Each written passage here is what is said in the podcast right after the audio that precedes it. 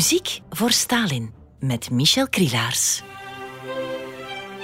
Ik was zeven jaar oud en ik hoorde bij onze bovenburen een plaat op de grammofoon staan. En het was de plaat van Peter en de Wolf. En ik weet nog goed dat ik toen meteen verliefd werd op die klanken van de hobo en de fagot. Dat zijn hele mooie, emotionele instrumenten. En tegelijkertijd was er een verteller en dat was Ramses Shaffi. Grootvader, met zijn lage stem, is de fagot. Die vertelde het verhaal van het dappere jongetje Peter, zijn grootvader, de eend, de kat, de vogel, de wolf en de jagers. De boze wolf hoor je al van verre in deze drie hoorns. Ja, het mooie aan het verhaal is, er wordt altijd gezegd dat ja, die wolf voor Stalin staat. Hè? Het beest dat iedereen verschalkt en wil vernietigen. Nou, dat is volgens mij helemaal niet zo.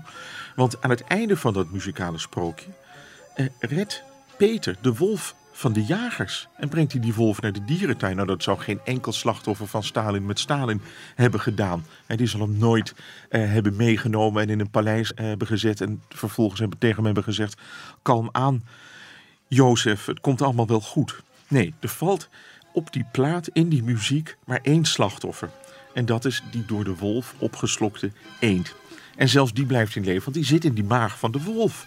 Want in zijn gulzigheid had de wolf hem levend ingeslikt.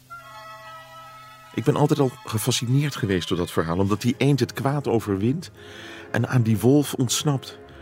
En ik ontdekte, eigenlijk als middelbare scholier al, dat dat iets heel typisch is voor Rusland. Er is, er is altijd kwaad, er is altijd onderdrukking door de tsaar, later door Stalin.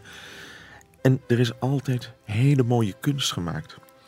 Hoe is het toch mogelijk geweest dat er zulke mooie muziek is gemaakt, terwijl die mensen zo werden tegengewerkt in die tijd van Stalin? Waarom is dit zo goed gegaan? Waarom is, kon dit gebeuren, ondanks die repressie die er bestond?